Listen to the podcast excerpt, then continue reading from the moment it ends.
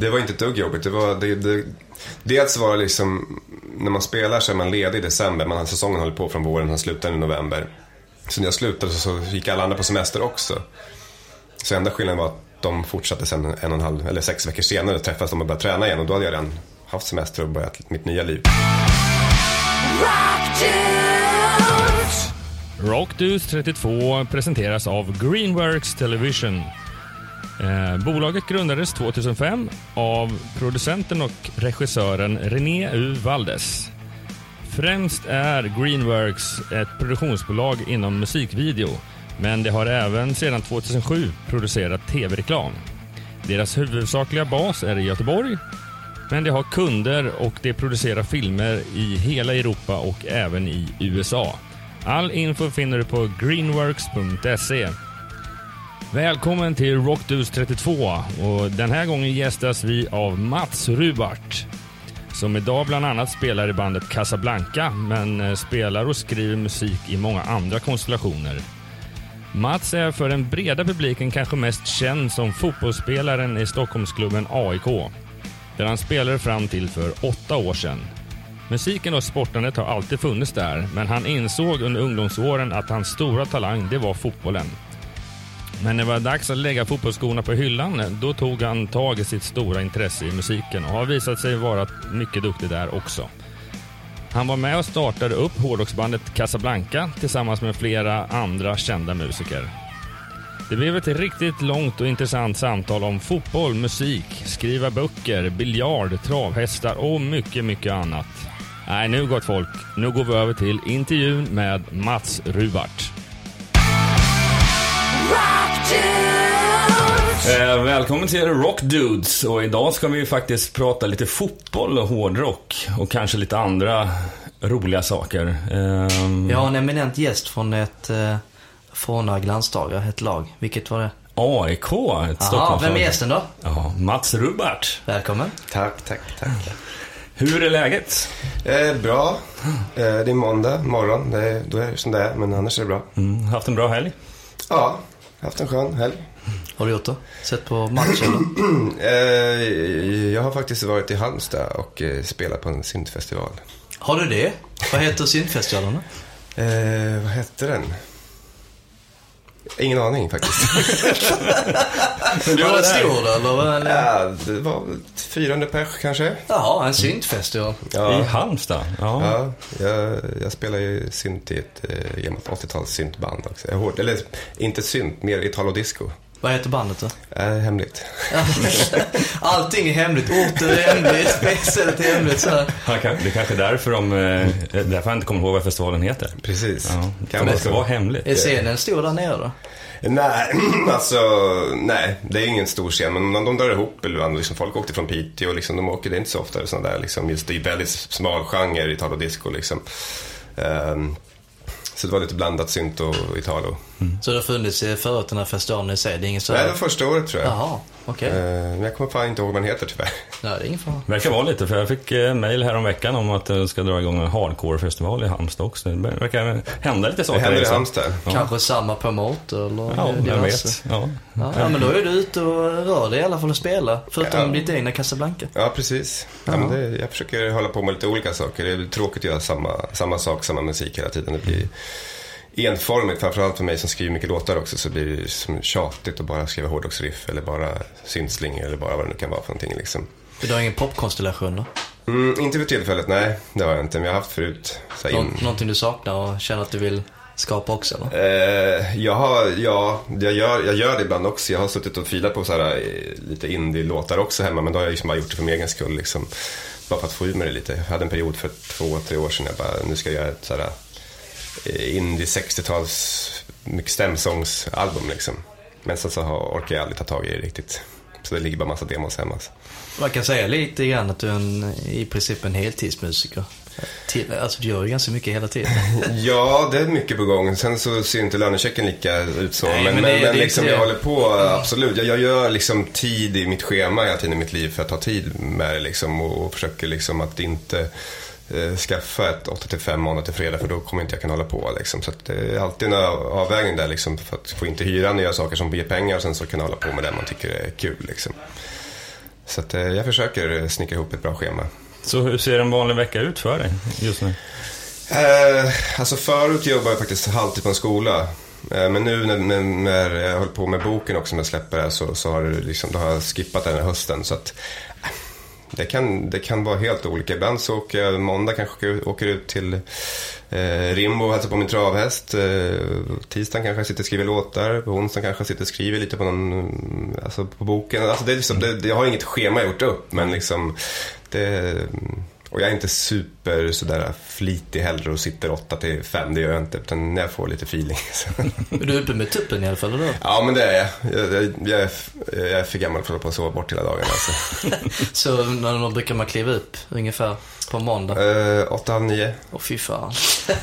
Min arbetstid är 12 till 5 så att är liksom, ja. om man jämför med lite annorlunda. Men, men det är också, jag, jag är sambo med en tjej som har en fyraåring så att det, liksom, det går inte att sova längre alltid. Nej, nej. Du blir väckt förr eller senare ja, ja, så är det. Men då har du i alla fall ett schema någorlunda om du vet att du ska Ja, dels det här med travhästen. Du kanske ser det mer på veckobasis eller månadsbasis? Ja, det är mitt projekt kanske. Lite mer så kanske. Just nu har jag det här projektet och då gör jag det ett par veckor liksom. Vad är projektet just nu då? Uh, också lite hemligt. det är det är hemligt. Vi kan döpa om den här podden, Hemliga podden. ja, nej, men jag håller på att starta upp en podcast också faktiskt, som alla andra. Så jag, håller på, jag håller på att fila på det. Va, kan du berätta vad den heter då? Men uh, den, den ska heta Podden Boll, är tanken. Som rock'n'roll fast med podd en boll. Och det ska vara... Uh, jag träffar människor som är intressanta, som inte kommer från sportvärlden och pratar med dem om deras sportintresse och kärlek och passion för ett, en, en klubb helt enkelt. Är det kända människor eller är det... Det är eh, mest kända, det är så tråkigt ord, men, men intressanta i alla fall som håller på med kanske andra branscher än liksom just sport. För sportmänniskor som pratar om sport, då somnar man ju inom en minut oftast. Ja, det är väldigt rabblande. Ja, men Statistik. Så, det finns mycket människor som liksom kanske har närt en dröm om att bli proffs när de var små, om inte blev det, så blev de kanske en framgångsrik musiker istället. Och då är det intressant att höra vad, vad de eh, liksom hur många grammisar skulle de byta bort för ett SM-guld eller vad det nu kan vara för någonting. Men om vi ändå, nu pratar vi ändå om fotboll. Och fotboll har ju varit en stor del av ditt liv fram till för åtta år sedan. Ja. Eh, men hur, och du är från Örebro, om jag förstått mm. det rätt. Mm. Eh, hur kom fotbollen? Började du tidigt med fotboll? Ja, det gjorde jag. Eh, jag kommer inte ihåg exakt när jag började spela lag, men min mamma var idrottslärare, så hon hade alltid bollar och redskap hemma från när hon var jätteliten. Liksom. Så det finns bilder när jag är två och står med en fotboll redan sådär. Sen var det inte bara fotboll, jag höll på med massa olika sporter, gymnastik och pingis och basket och liksom sådär. Men, men fotbollen har varit naturlig för mig. Alltså hålla på med bollar är liksom som för Yngve att hålla en gitarr. Liksom, jag har alltid hållit på med det. Så att, eh, det har funnits hela tiden och jag var duktig från början också tror jag. Mm. På fotboll. Det fanns en talang där. Ja. Eh, så att både mamma spelade landslag i handboll och pappa spelade elitserien i basket. Så det fanns liksom någon sorts arv jag fick med mig tror jag. Mm, mm. Men hur, hur, kom du in på AIK? Blev du värvad eller? Ja, jag spelade ju först i en liten klubb i Örebro som heter IK Sturehov. Och sen när jag var 14 gick jag till Örebro Sportklubb som är den stora klubben i Örebro. Och där spelade jag sen fram tills jag var 23. Jag spelade Allsvenskan i fem år där tror jag. Och sen så eh, behövde jag Örebro pengar och eh, de sa att om du vill kika dig omkring lite efter någon annan klubb så, så hjälper vi dig liksom. Och då, just då, slutet av 90-talet, så var AIK den största klubben i Sverige och det var nära Örebro och jag gillar Stockholm. Så att eh, när de ställde frågan så var det ganska enkelt beslut att flytta till Stockholm. Så du räddade Örebro? Så mycket pengar fick de inte. Äntligen! Nu får vi valuta för pengar. Ja, vi sålde Mats. alltså ser man summorna som spelare går för dagens eh, transferfönster så är det ju ingenting. Men, men de, de, de, det var bra pengar för dem. Mm. Tänker du alltid lite så att eh, du skulle starta din karriär lite senare för då har du fått mer pengar? Med tanke på miljonbeloppen i... Ja, idag. så kan man alltid tänka. Och det är likadant när man spelar ett, ett hårdrocksband så kan man tänka att man skulle ha levt 30 år tidigare istället. Ja. Eh, så if only, if only. Men, men liksom... Men visst, tanken har slagit mig. Men de som spelade 10 år genom mig, de jobbade halvtid och kanske tjänade 10 000 på sin fotboll. Så man kan alltid jämföra liksom. Och de här Grin och Liv, vad tjänar de? Ingenting. Nej, exakt. Och det är alltså, många, många av de andra, vissa som kanske gjorde utlands Eh, eller spelar i utlandsklubbar, där blir det kanske lite annorlunda. Men det är fortfarande mm. inte de pengarna, även, do, även där. Nej, pengarna nu de sista tio åren har ju, det har ju blivit nolla till på allas löner jämfört med 20 år sedan. Liksom. Mm. Vad är anledningen till det? Är det för att det är mer som följer TV eller TV, internet? Jag tror tv-rättigheterna, jag, jag kan inte ekonomin och fotbollen, men jag tror att tv-rättigheterna är enorma i sådana här ligor som Premier League och Champions League och spanska ligan. Jag tror framförallt Premier League tror jag var hiskliga summor för, för tv-rättigheterna. Och, ja, jag tror inte att det är som så här, det är inte mer folk. Det var jättemycket folk på, på Råsunda när AIK spelade på 50-talet liksom. Tror jag. Ja, det är ju det man har sett. varje Ja, det ser ut så i alla fall. Så att jag tror inte att det är liksom just på, på arenorna liksom. Men man, har, man utnyttjar allting liksom. Man säljer massa merchandise och man kanske skaffar spelare från olika delar av världen så man kan sälja tröjor i Asien, man kan sälja tröjor i Sydamerika. De, de har ett business-tänk med allt sånt där nu som är, inte fanns till lika stor del förut i alla fall. Ja, Jag läste en reportage om Cristiano Ronaldo när han gick till Real Madrid. Det var ju såna hiskliga summor som typ en halv miljard eller någonting som inköpssumma. Och då var det snacket om att det var en ganska enkel affär att dra hem den. För att eh, de behövde typ sälja en miljon tröjor så har de nästan tagit in den Ja. inköpskostnaden liksom. Och eh, för honom så är det inga konstigheter eller för det, för det namnet. Nej, Men man sålde massa tröjor back in old days så. Jag vet inte, får fråga AIK.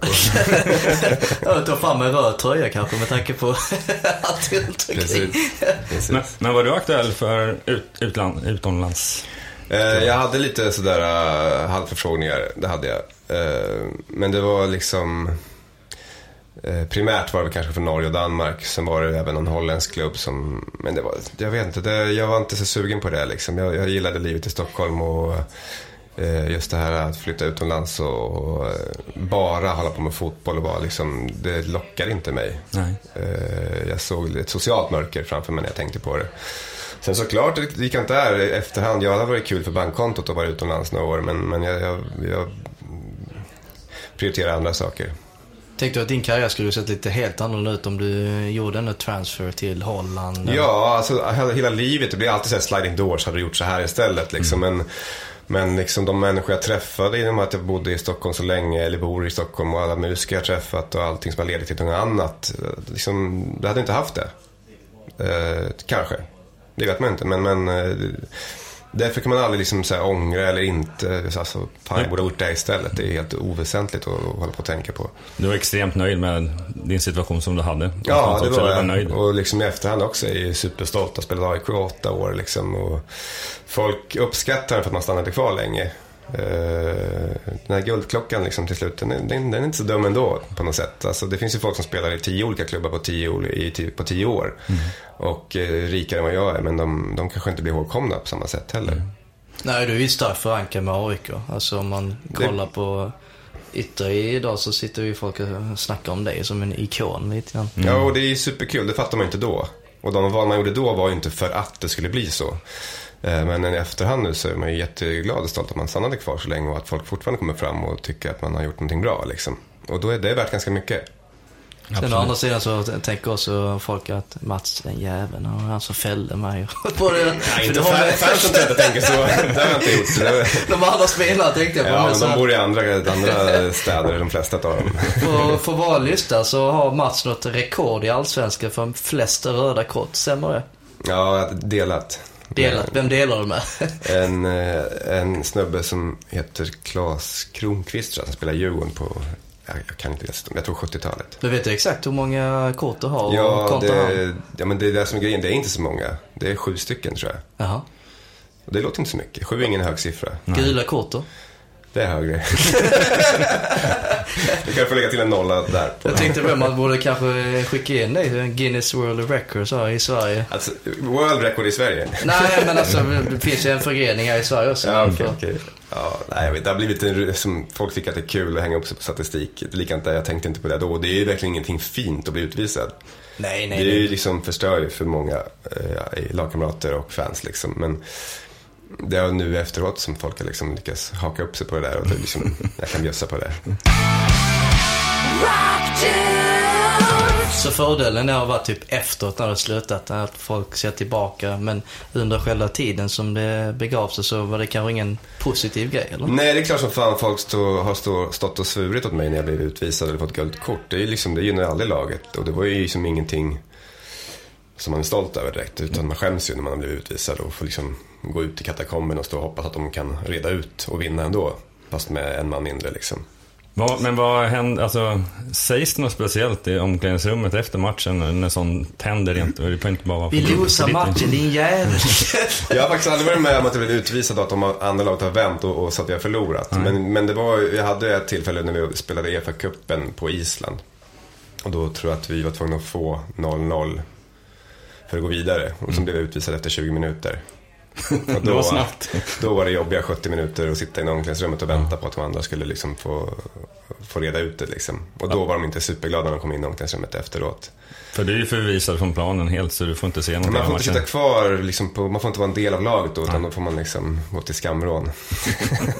Ja, på klubbnivå då, man blir avstängd. eh, Vad, hä- vad händer om man får rött kort? Blir man avstängd två matcher eller? Det Får beror på hur grovt det var. Jag tror jag fick tre matcher på Island där, så jag missade båda våra möten. Vi gick ju vidare, vi klarade det där. Så jag missade båda våra möten mot Valencia som var ganska så kul matcher att ha spelat. Haft på CVt. Så fick sitta på läktaren. Så att det, det är någon kommitté som bedömer då hur grovt det var. Då får man två eller tre. Får man böta också någonting? Får Eh, klubben böta någonting eller landslaget? Mm, Nej, det tror jag inte. Men eh, jag höll på att få böter för att de tyckte att det var så jävla... Jag blev utvisad fyra dagar innan också i Helsingborg.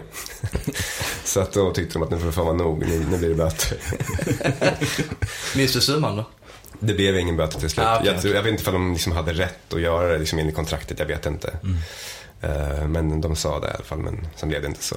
Numera får man ju böter vad man filmar och allt möjligt om man utvisar och både Ja, det är mycket, det är mycket sån här bedömning efteråt. Ja, det, är mycket, det finns ju mycket mer möjligheter nu för varenda match filmas ju. Alltså när jag började spela på 96 i Örebro i Allsvenskan, då var det liksom Sportnytt var på en match per omgång ungefär. Nu filmas det liksom varenda match med tio kameror så du kommer inte undan med någon tjuvnyp nu heller. Det, liksom, det kommer fram när snön smälter sen.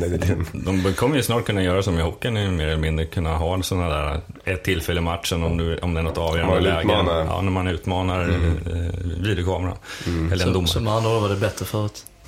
Bättre Ja, det var väl alltså, alltså fotbollen har väl alltid varit hård med att hålla kvar just eh, i nuet-bedömningen någonstans. Eh, Man vill inte förlita sig på kameror och Nej. efterhandsbedömningar så som man har gjort i hockeyn. För den, har, den utvecklingen de har ju ändå kommit med målkameror nu liksom. Eh, och det, det kan väl man väl köpa för att nu är det, det, det är automatiserat så att det går någon signal direkt till domaren om bollen var inne eller inte. Så att det är inte så att de behöver stanna spelet och börja liksom kolla med kontrollrummet utan det, det kommer direkt pang. Det var mål. Precis, för det blir ma- massa extra tilläggstid eh, Ja, i och med att man aldrig stannar Precis, så man vill inte, i fotboll vill man inte tappa flytet sådär heller. Jag förstår så amerikansk fotboll och basket, det är så mycket avblåsning i alla fall. Men i fotboll vill man behålla ett flyt så mycket som möjligt. Och tänk då att en boll kanske var inne, spelet fortsätter i 10 minuter och sen, nu ska vi kolla om det var mål. Alltså det blir jättekonstigt liksom. Ja.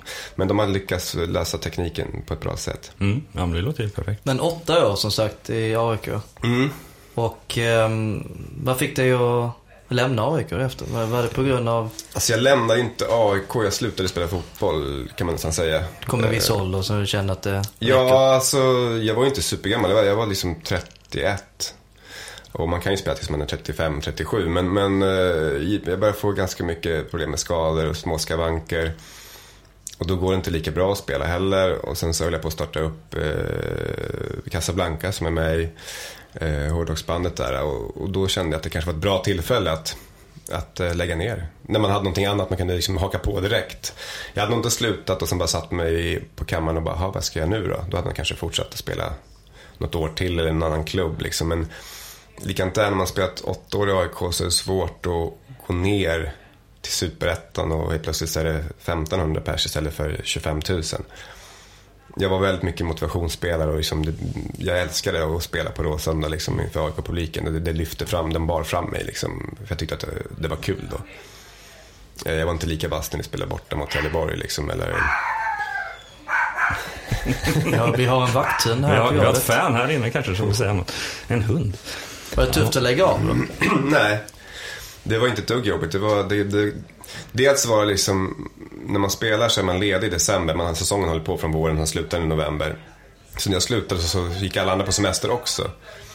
Så enda skillnaden var att de fortsatte sen en och en halv, eller sex veckor senare träffas de och började träna igen. Och då hade jag redan haft semester och börjat mitt nya liv på något sätt. Så att, eh, och det här med att slippa gå på och träna, det har jag inte saknat en enda Nej, sekund. Liksom. Det, det, det, och just när, när, efter den här semestern då så är det januari och då tränar vi liksom försångsträning på utomhus i 10 minus och mycket löpträning. Så att liksom, det kan man inte sakna riktigt. Nej, det kan väl ingen sakna. Nej, men däremot såklart när man tittar på matchen sen så rycker det i benen såklart och man blir lite så här, fan jag vill vara med. Fast så fort man tänker på de här träningarna och allt som ligger bakom så vill man inte vara med. Eller jag vill inte det.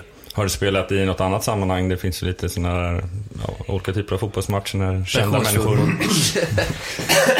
Ga- gamla Eh, spelare spelar. väldigt, Uppvisningsmatcher. väldigt sporadiskt. Jag har gjort några få eh, tafatta försök. Men, men liksom, eftersom jag inte höll igång efter så tappar man så mycket fysik. Liksom, och då stämmer inte, den hjärnan vill gör inte kroppen och då är det inte kul heller. Liksom. Nej. Så att, eh, nej, väldigt sparsmakat faktiskt. Men vad jag har förstått så har du haft med dig musiken mer eller mindre hela, hela ditt liv också.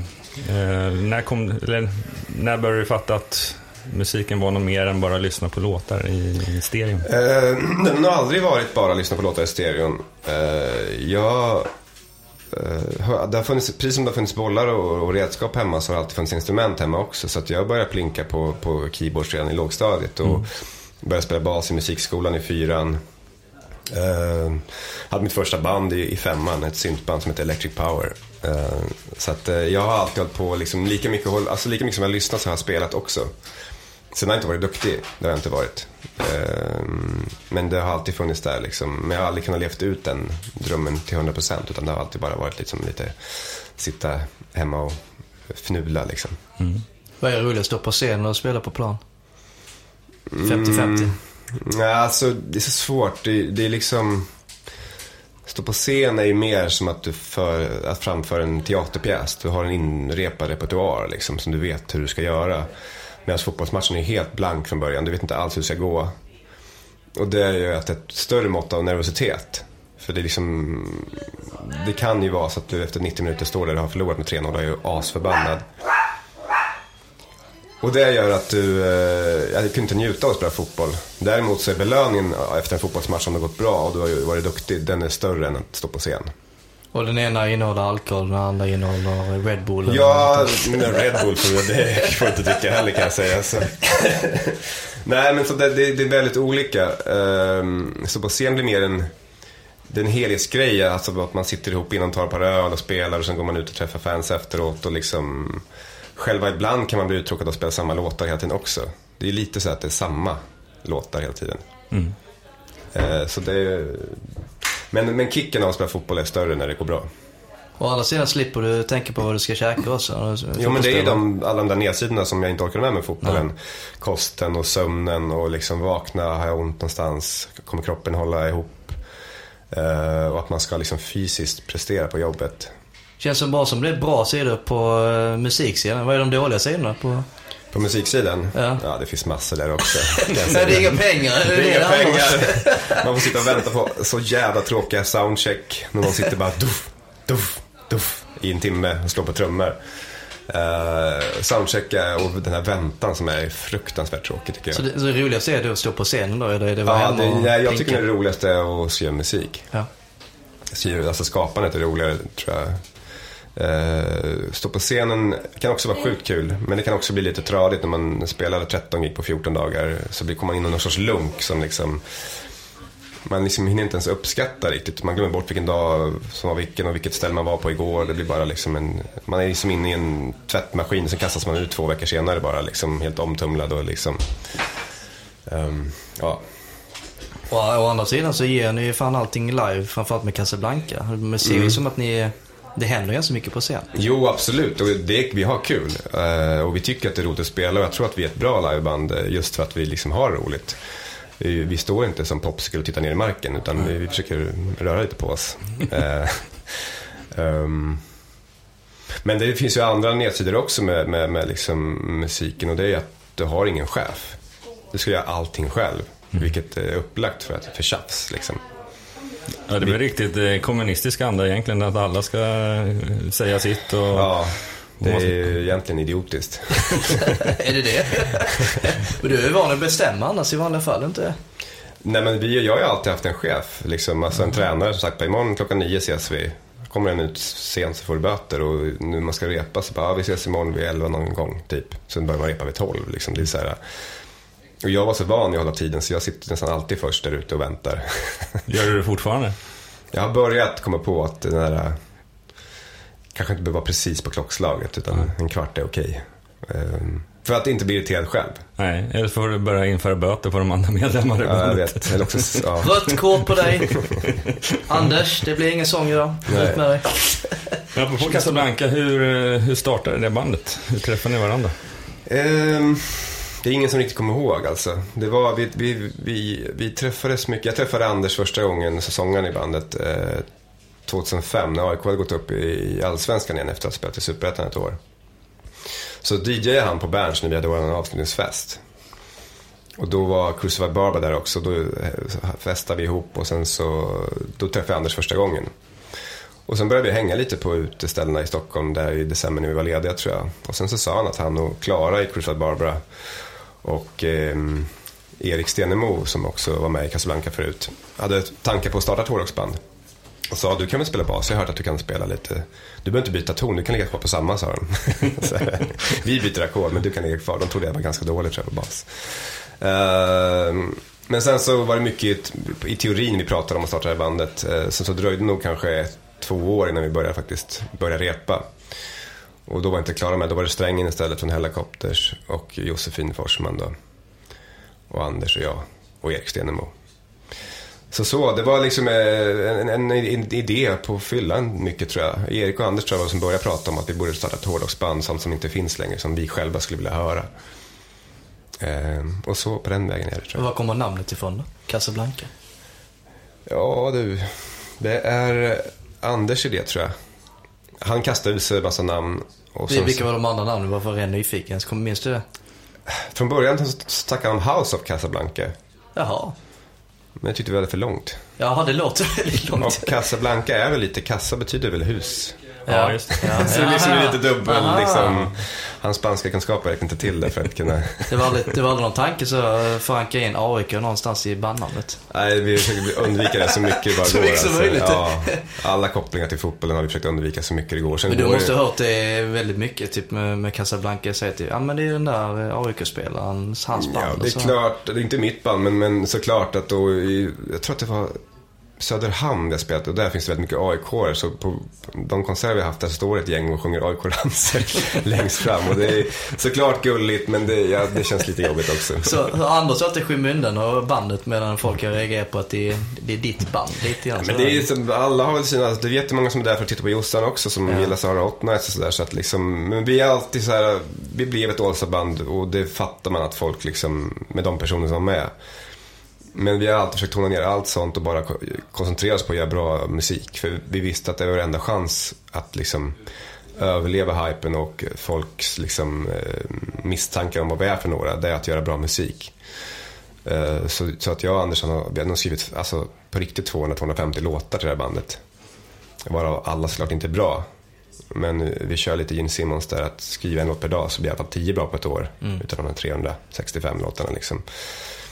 Eh, Så att det, det är kärnan i det, vår kärlek till, till den här punkiga hårdrocken som kom i slutet av 70-talet och början av 80-talet. Och det är där vi fortfarande har våra rötter på något sätt. Och det är det som gör att vi fortsätter också att hålla på, att vi tycker att det är så jävla kul.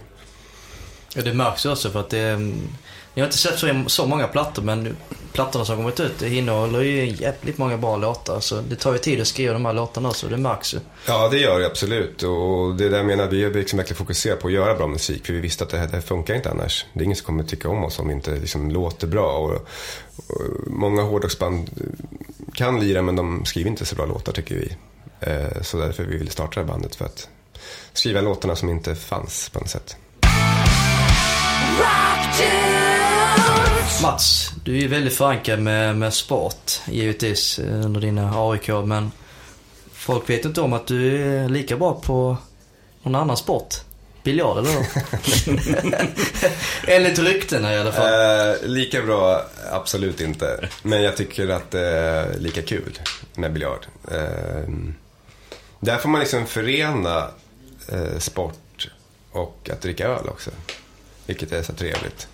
Inte alltid, men, men när, helgen kommer så brukar vi ses på Jolo i, i på Odenplan och eh, det brukar vi vara ett gäng på 6-8 stycken eh, gamla elitspelare och blandat sådär liksom som älskar biljard. Och, delar upp lag och spelar liksom två mot två och dricker öl och har så jävla kul alltså. Så att, eh, Ja, det är sjukt kul. Men har alltid upptäckt att du var duktig på biljard eller var det Alltså jag är inte så grym, men nu har jag spelat så länge så att jag börjar liksom kunna sätta lite bollar och, och, och liksom... Jag kan spela i lag med de som är duktiga och ändå hålla hyfsad, hyfsade jämna steg liksom. Men de, är, de som är duktiga, det är liksom golf, de har spelat som de är små. Det är liksom, de är så sjukt duktiga och där krävs det också mycket träning. Jag tränar inte biljard, jag spelar ju bara för att det är skoj. Det sägs ju att eh, efter 10 000 timmar så blir man ett proffs. Ja, Är du uppe eh, i de timmarna än eller? jag är uppe i 9000 nu tror jag. Nej men du skulle nog fan kunna hassla dig fram lite grann. Jag tänker som här Tom Cruise-film, The Color of Money. Ja, men eh, shit vad nervöst alltså, blåsa folk på pengar. Nej! Det var lite såhär eh, pokerface. Ja, jag vet. Men det är li- likadant där. Jag, jag slutade med fotboll för jag ville bort från det här nervösa tävlandet. Liksom. Så att skulle jag, börja tävla, jag har ju varit med på en tävling på Bonden på, på Söder. Alltså en amatörtävling. Men Ja. Då är man så jävla nervös igen. Då är man tillbaka till det jävla liksom, prestera. Liksom. Så att jag, vill inte, jag vill inte hålla på med det. Det finns ju folk som kommer fram och utmanar. Men vad fan, det är ju Mats från AIK. Jag, jag måste spela med honom. Händer nej, det eller? Nej, det har inte hänt. Du blir aldrig eh, så här påkommen när du är ute. Men vad fan, varför känner jag igen honom? Vänta nu. Jo, så kan det vara. Men det är inte så att de bjuder in mig att spela biljard. Jag har mina kompisar att spela med så jag behöver inga andra. Stam, stammisaker. Vilka, Ja. vilka typer av eh, spel spelar du?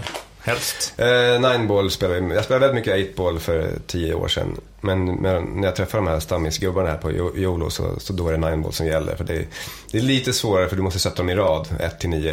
Eh, 8-ball, då, kan du, då får du halva eller hela. Sen så kan du skjuta på vilken boll du vill i din färg. Liksom. Men Nineball är lite klurigare. Du måste alltid tänka ut var vita hamnar så du ligger i rätt läge till nästa boll. Eh, så att det, är, det är så sjukt roligt. Hur länge lirar ni då? En match? Hur länge har ni uppe? Alltså, vi, mm, alltså när man dricker lite öl då, då kan man spela länge. Vi kan ses tre en fredag eftermiddag och vara kvar till ett. Åh jävlar, så pass alltså? Ja, om man bara spelar och bara en vanlig vardag då kanske man inte orkar mer än tre timmar.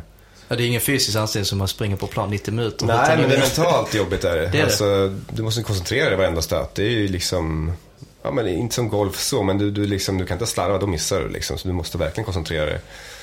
Och efter fem öl så är det jävligt svårt att sig samtidigt också. Ja, det var det jag tänkte på. Det gäller att ha något bra intagningsmönster. Ja, men precis. så- Det gäller att hitta en bra nivå där. För då, efter två, då blir du faktiskt nästan lite vassare. Men sen när det börjar gå överstyr, då, då, då är det svårt att simma om dubbla bollar. Alltså. Jag sportar inte själv, men förut så höll jag på något som heter schackbira. Det var typ ett par polare kom över och spelade schack och drack finöl.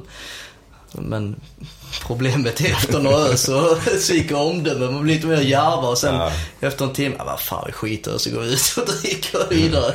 Så att, eh, ja, jag, förstår. Ja, men det som är kul med det här med det gänget då, är att även fast vi dricker öl eh, så är alla superseriösa ändå. Så att det, är liksom, det är det som är så kul tycker jag. Att det, att det är viktigt fast på skoj och ändå roligt. Men är du så här finsmakare när det gäller öl? Eller är det lag som går Eh, ner? nej, jag... inte finsmakare, men jag, jag kan uppskatta en IPA eller något annat också. Men, men eh, jag, både och. Jag kan vara en sån som dricker bara lager om, jag, om det spelar inte stor roll. Men jag, jag håller inte på att köpa liksom tio olika specialsorter på bolaget och sitter hemma och har provsmakning. Det gör jag inte. Du har aldrig funderat uh, starta en egen öl med tanke på entreprenören i dig. Du har ju allt möjligt på gång. Kanske ett rött vin då. Ja, ja, något helt annat. Det vore kanske något. Ja, öl gör ju de flesta vin inte lika ofta.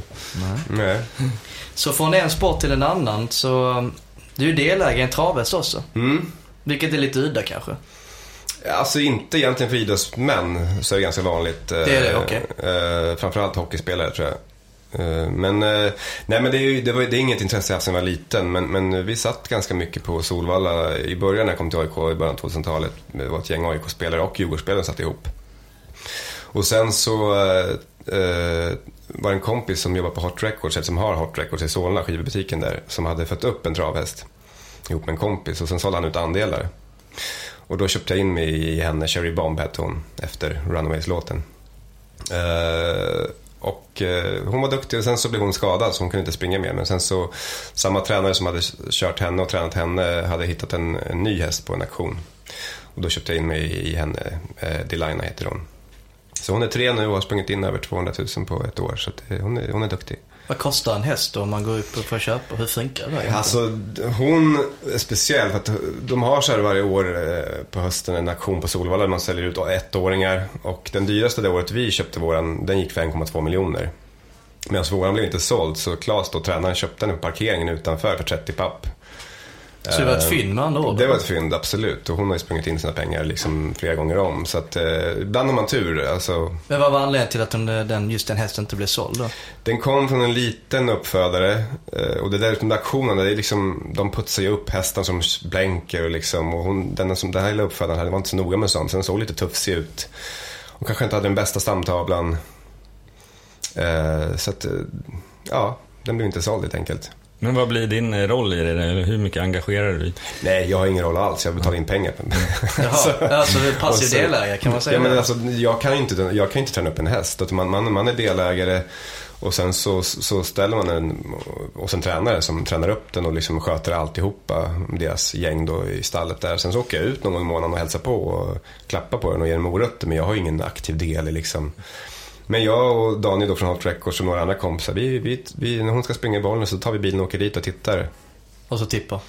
Ja, man sätter inte stant också. Men det är det som är grejen, att när man har en egen eller delägare en egen, då, då är inte det här spelet det viktigaste. Utan då är det plötsligt där det liksom, för när man spelar V75 och sånt där, då är det bara den som vinner som är viktigt, som man ska pricka in. Men om hon springer in och kommer trea i ett lopp kan det vara svinbra och man kan få massa pengar för det också. Det är inte bara ettan som får pengar liksom. Så att, det blir en helt annan sak. Man, man är mer som en eh, stolt förälder typ som ser att ens barn spela match i någon sport liksom.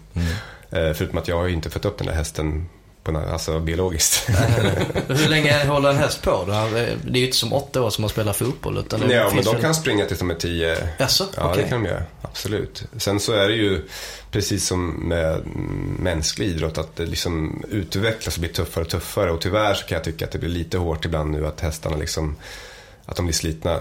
För det är liksom, tiderna går neråt och neråt hela tiden. eh, Och det blir snabbare och snabbare lopp och det, det krävs mer av hästarna. Tävlar de mer också? Mm, nej, det kan de nog inte göra. Alltså det, eftersom, inte tvärtom, men, men de måste vila någon vecka eller två efter varje lopp för att det, det sliter på dem. Samtidigt så tycker de det är kul. De skulle inte springa om de inte tyckte det var roligt att springa.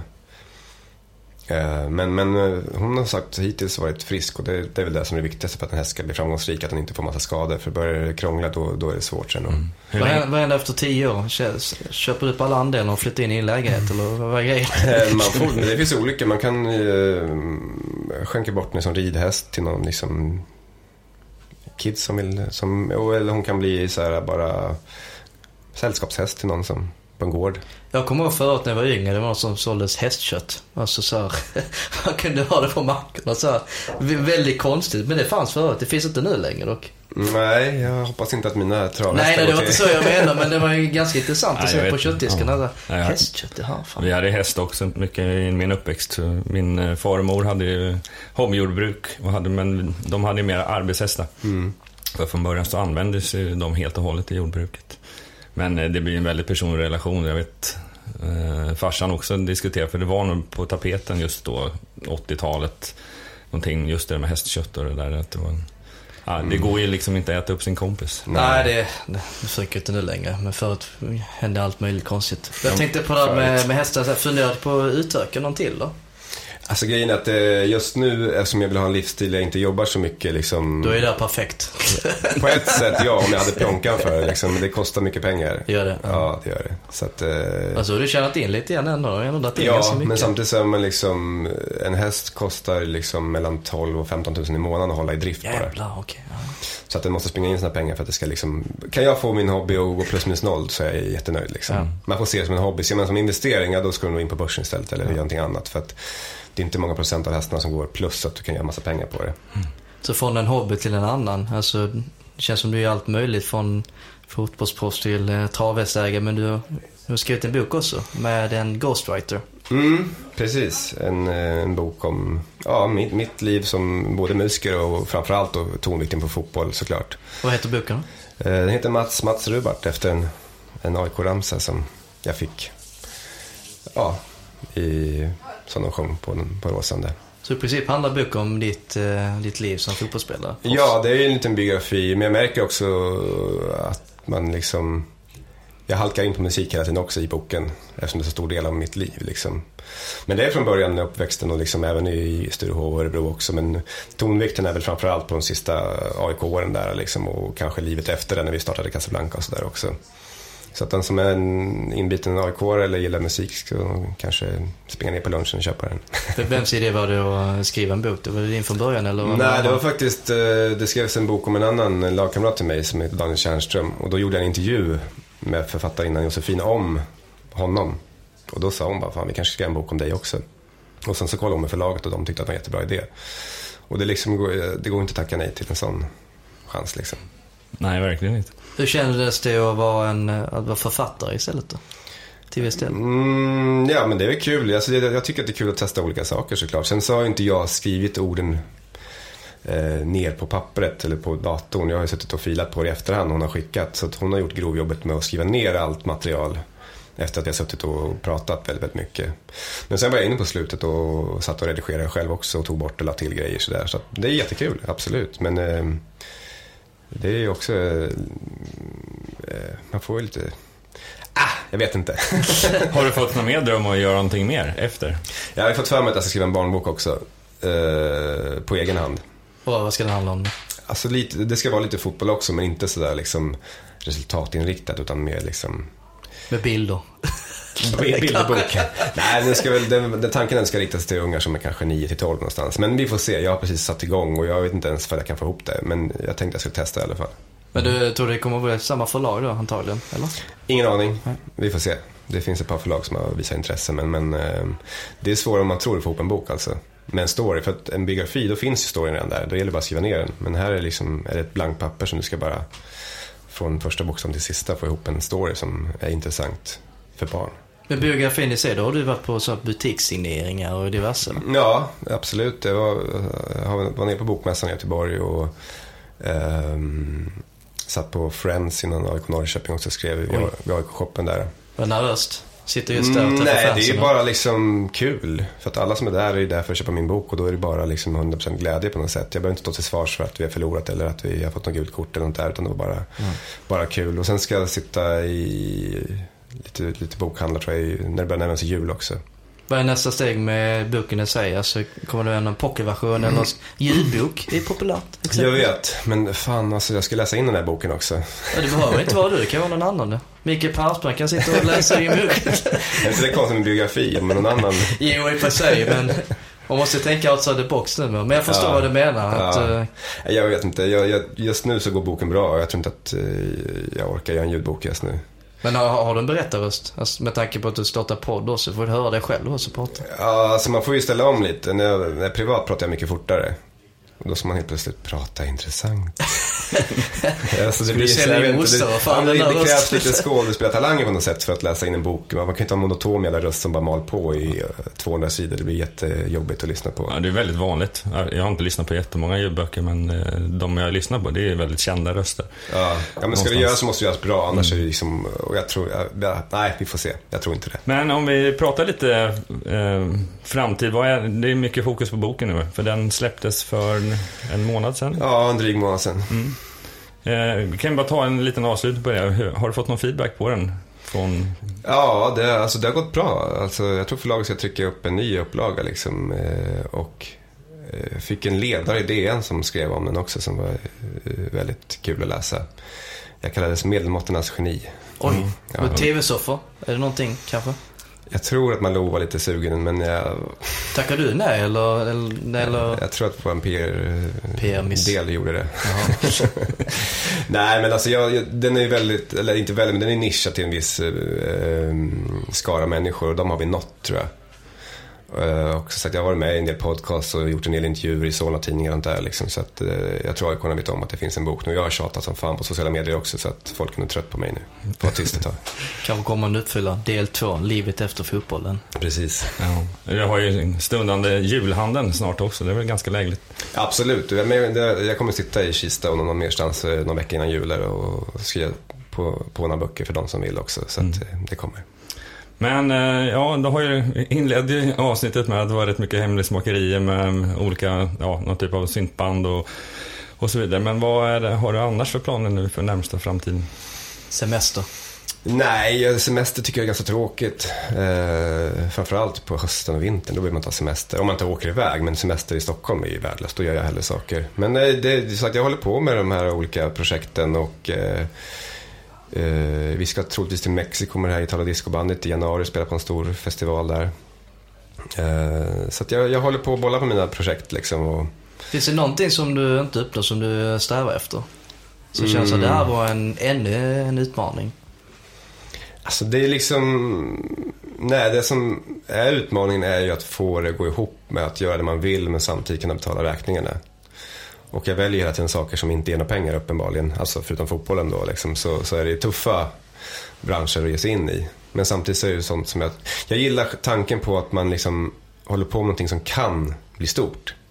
Alltså jobbar på ett vanligt jobb så får du din lönecheck, sen vet du exakt vad du tjänar. Och skriva en bok eller göra en platta, eh, troligtvis så går det inte superbra men det kan också smälla till och så kan du tjäna pengar på det. Och jag gillar den tanken, liksom, att det blir som en trisslott. Alltså man tänker ju inte på att tjäna pengar i början när man väl startar något just för att det är kul. Det är lika men som med fotbollen eller musiken. Mm. Kommer det så kommer det om man är tillräckligt duktig eller om man har flyt. Utan Ja, men då gäller det ju samtidigt att ha kul på vägen och, och göra saker som faktiskt är roligt och som man, som man verkligen brinner för själv. Och då är ju inte tiden bortkastad, även fast du inte tjänar pengar på det. Och det är så jag söker, söker se det också, liksom att ehm, ha kul och, och kan det liksom bära sig ekonomiskt så blir det en bonus liksom. Är du duktig på att sälja in, när du kommer på idéer eller någonting, är du duktig på att sälja in dem själv eller har du... Ja, jag är nog tyvärr lite för dålig entreprenör själv. Eh, det jag tycker det är nog mycket ångest med att hålla på med liksom det kreativa. Och så man också då vara en businessman samtidigt. Och det är väl de människorna som oftast lyckas som är både och i samma paket. Eh, Så att jag är väl hyfsad men inte speciellt bra.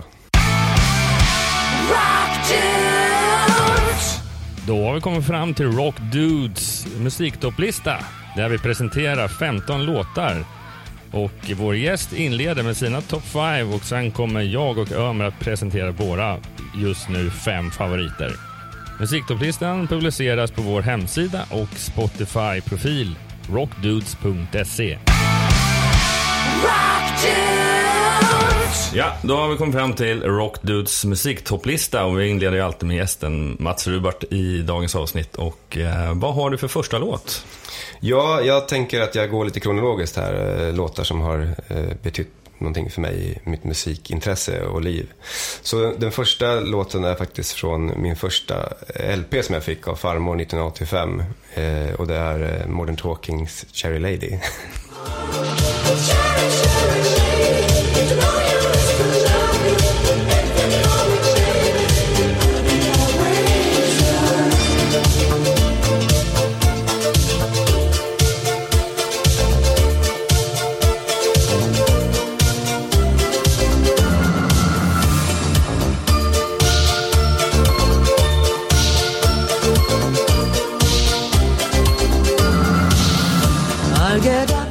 Modern Talking inledningsvis. Vad har du för andra låt? Eh, Då eh, går vi lite framåt i tiden till mellanstadiet när jag hade mitt första band Electric Power som eh, var jävligt dåliga på att spela synt. Och ehm, vi kunde inte skriva egna låtar så att vi använde slingan från Depeche Modes Photographic i varje refräng. Okej, Japp. så det blev one hit Du, överallt. du, du, du, du, du, du, du, du, du. Den var, det var, var refräng i alla låtar. Your voice.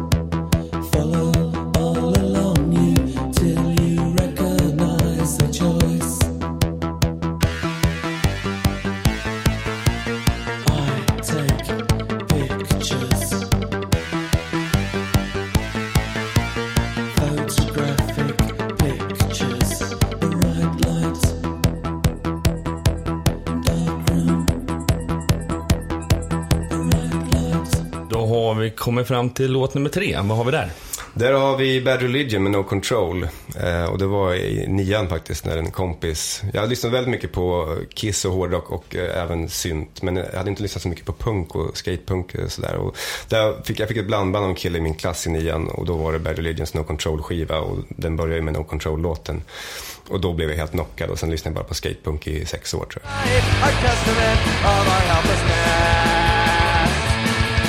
There's no vestige of a beginning, no prospect of an end.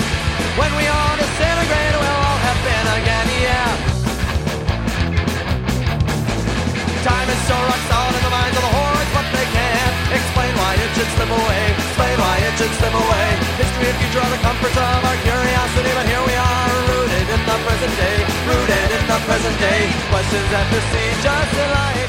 Ja, väldigt mycket synt eh, inledningsvis och sen nu helt plötsligt väldigt mycket punk. Vad har Mm. du som låt nummer fyra?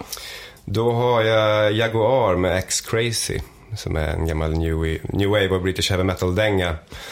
Som eh, påminner mig lite om den här punkiga sidan hos mig men också ledde mig in på, på hårdrocken och den musiken som jag influeras mycket av i Casablanca.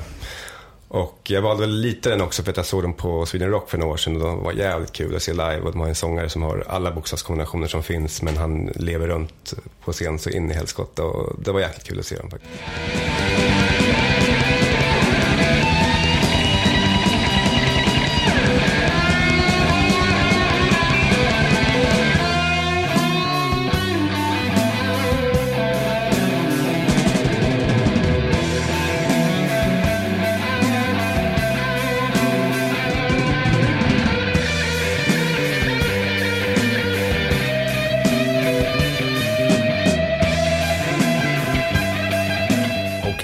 Då har vi kommit fram till din sista låt. Vad, är, vad har det blivit där?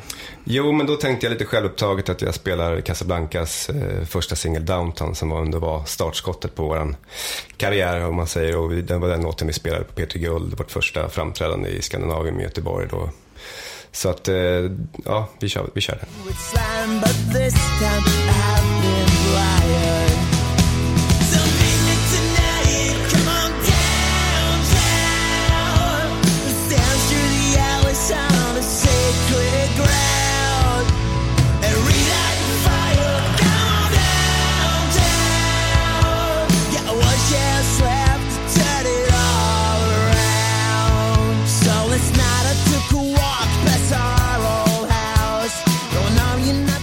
Vi kommit fram till Ömers topp 5-lista. Eh, du inleder med något så ovanligt som hiphop. Ja, men det är förbannat bra hiphop och eh, jag är inblandad på det här på någon, någon höger som jag kommer att ta senare i framtiden. Eh, det är Grip, en 20-årig Stockholmstjej med låten Paradise. Det är på svenska. Det är någon blandning mellan spoken word, hiphop och soul. Förbannat bra. Checka in det. Underground. nu Singlar vi slant om sanningen för ingen säger den rakt ut. Den är smidig, slinker ut på tungan, smakar bitterljuvt. Minnena går där längs vattnet. Ser mig själv ta sats om jag bara chillat där på kanten. Minnena som går där längs vattnet. Vill att de ska hinna före så jag sakta med takten. Var ju verkligt snälla, säg mig för jag orkar inte vara kvar i det som kallas riktigt. Minnena som går där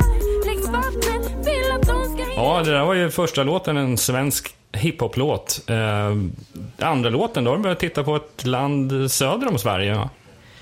Eh, pop från Danmark. Moo heter hon med låten Drum. Det är just sån här eh, hittig pop som jag gillar. Och så ser hon bra ut också. Ja, jag gillar ju tjejer så.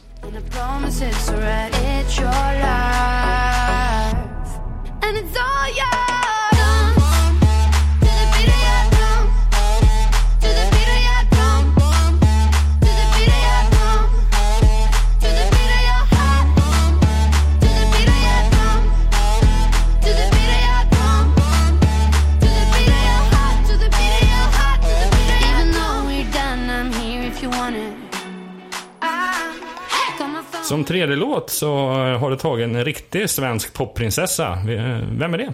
Sara Larsson. Eh, hennes skivbolag Ten sitter faktiskt fem minuter ifrån oss. Det här är ju liksom 18-årig eh, Sara Larssons senaste hitlåt Ain't My Fault. I don't mean to be rude, but I look so damn good on ya. Ain't got time right now.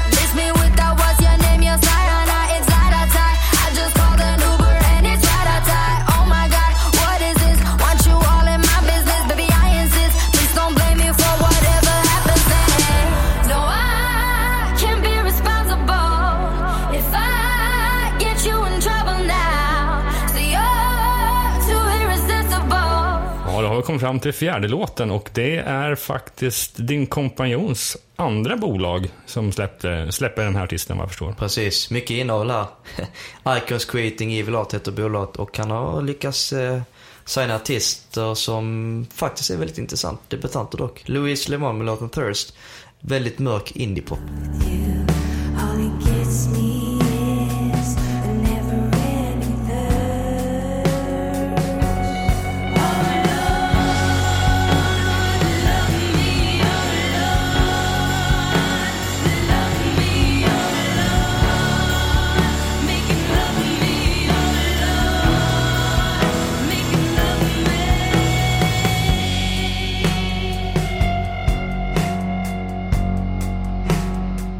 då har vi kommit fram till din sista låt och eh, det är ju faktiskt med ett band som kommer vara en av våra framtida gäster. Det stämmer bra det. Låten Hammer High med Hammerfall släpper en ny platta, Built to Last. Och um, en liten uh, spoiler, men uh, vi har uh, gästen jo Joakim Krantz här. Inför, efter det här avsnittet så kommer ett nytt. Och då pratade vi Hammerfall och då kände jag att jag vill ta en låt redan nu inför de här topp 5-låtarna.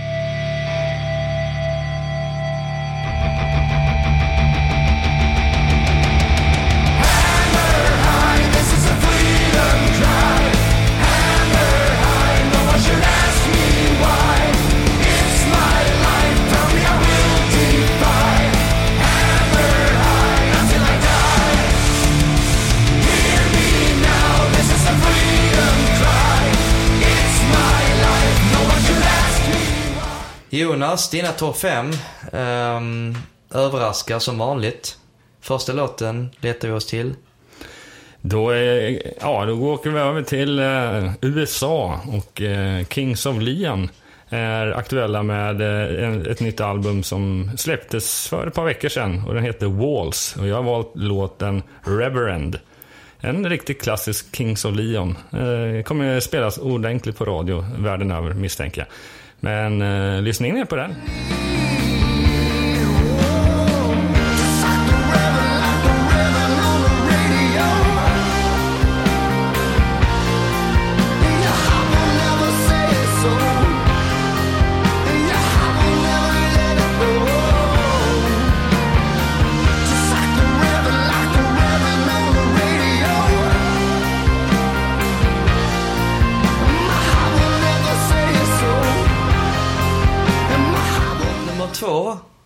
Rocktjejer från Sverige.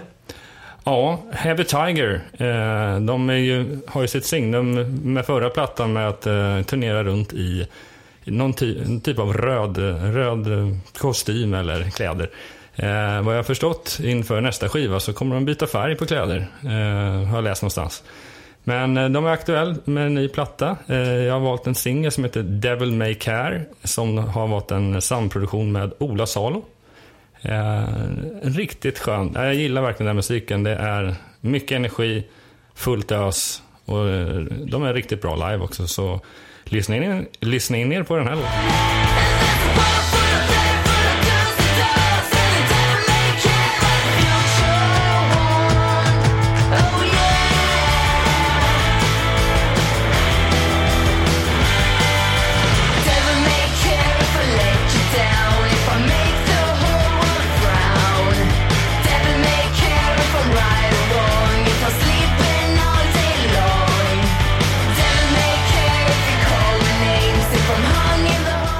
Mitten och då har vi modern metal.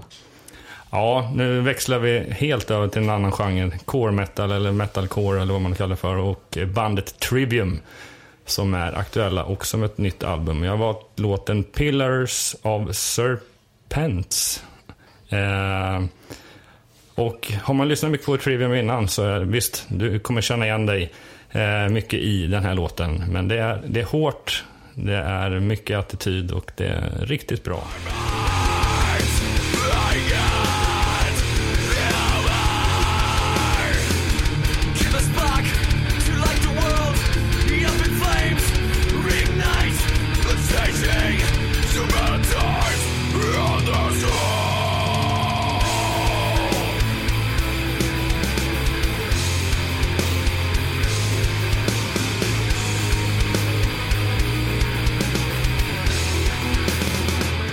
Flyttar vi oss till Sverige på låt nummer fyra. De gamla godingar Mustar. Ja, de, eh, de eh, ska väl i sinom tid släppa en ny platta och sånt här. Men i, i, i mellanakten här så är det faktiskt så att eh, de gör ett dubbelsläpp. Gjorde de här i början på oktober. De ska både släppa en ny låt och en ny dryck. Och den här drycken, den kan jag prata om lite mer. Men låten heter Midnight Runner och eh, Eh, ja, en riktigt bra mustaschrökare. Eh, drycken i sig, det är en typ av likörliknande dryck på bara 22-23 procent och den har en smakblandning mellan viol och lakrits. Ta en shot med den vet jag. Midnight runner. Ah, that's just me. Cause I was born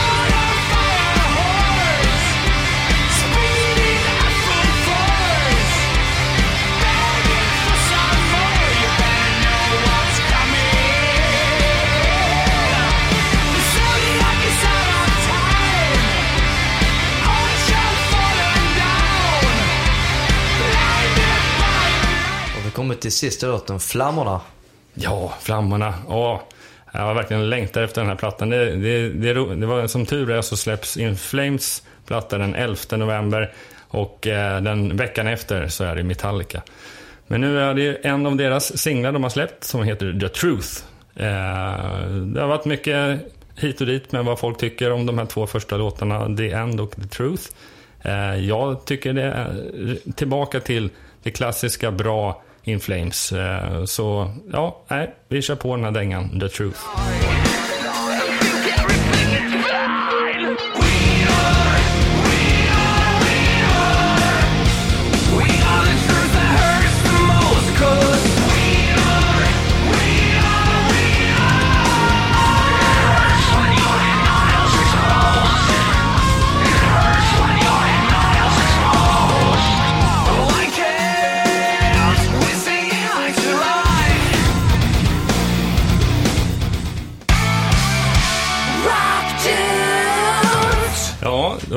Här programmet kommit till sitt slut och eh, det har varit väldigt intressant att se alla paralleller och kombinationer mellan eh, sportens värld och eh, musikvärlden. Och tack så jättemycket för att du kom Tack så mycket Mats. Tack ska ni ha.